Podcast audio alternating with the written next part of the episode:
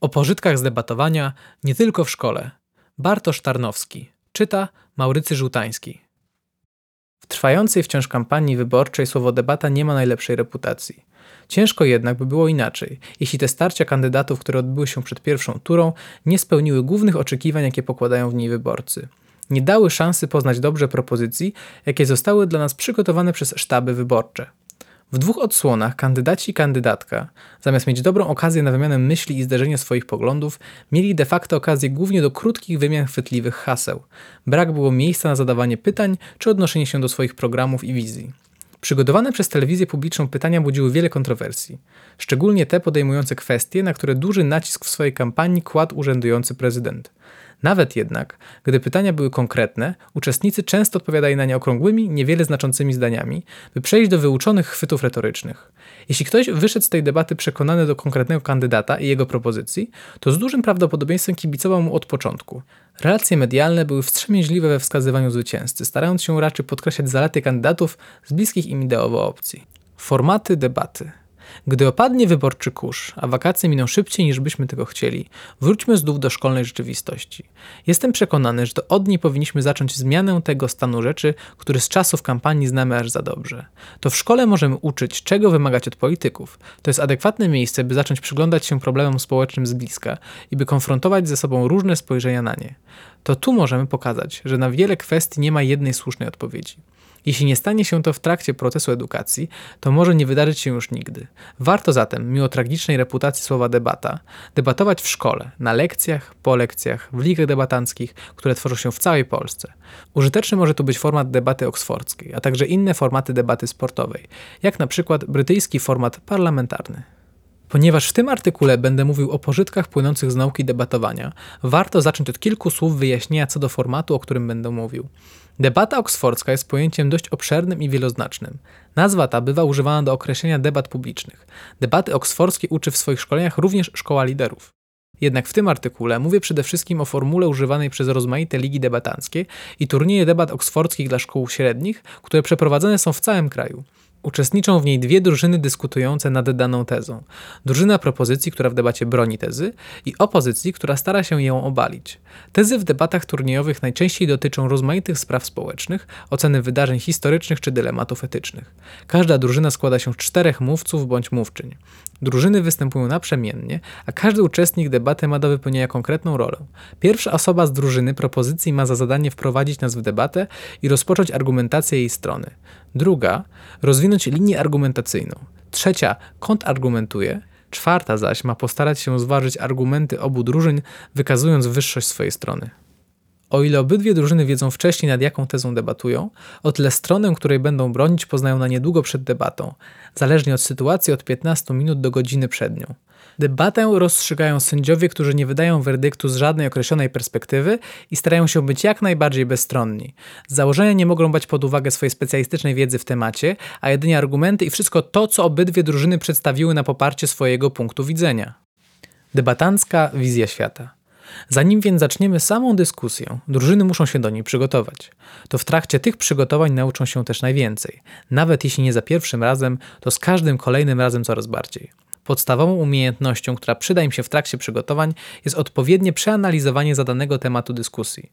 Za każdą tezą debaty powinien stać problem, a więc coś, co nam trzeszczy w rzeczywistości. Konflikt społeczny wart rozwiązania, gorsze położenie jednej z wielu grup społecznych względem innych, spór wartości.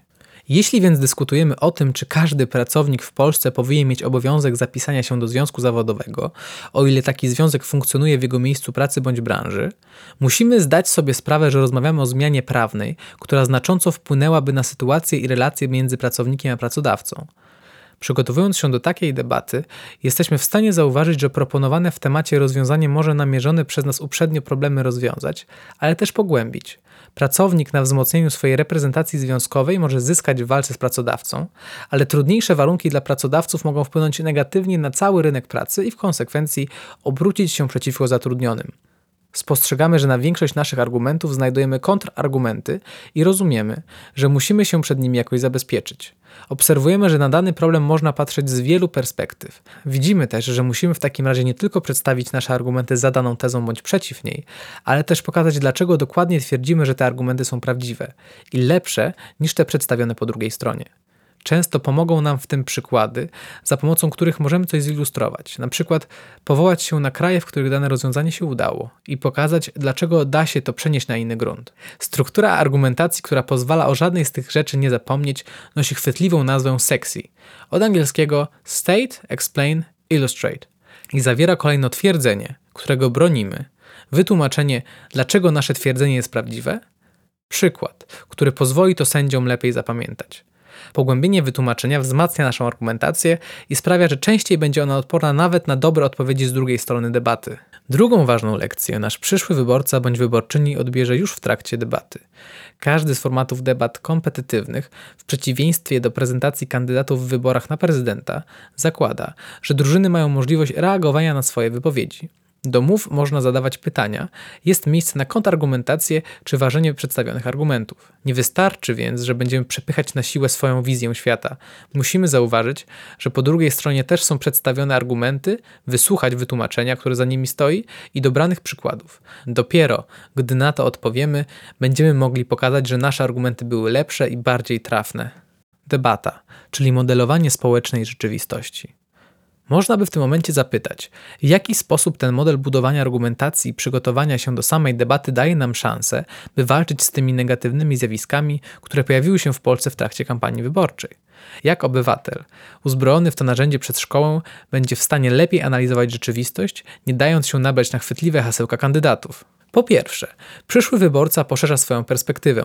Wiele z problemów poruszanych w trakcie debat na turniejach to tematy, na które nie wystarcza nam zazwyczaj w szkole czasu te, które uciekają nam w ciągłej gonitwie za realizacją podstawy programowej, a które są palącymi kwestiami dla współczesnego świata i w związku z tym bardzo często dotykają nas jako obywateli bezpośrednio. W ostatnich latach w warszawskiej lidze debatanckiej poruszano tematy dotyczące m.in. relacji międzynarodowych.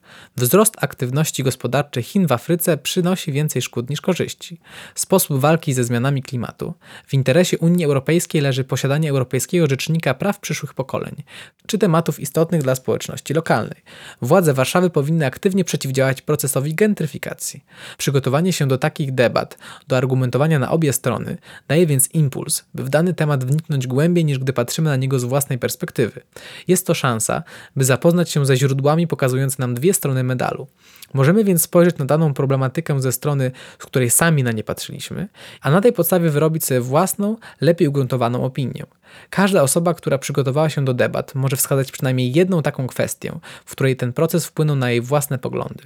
W wypadku niżej podpisanego była to choćby kwestia konstrukcji systemu podatkowego.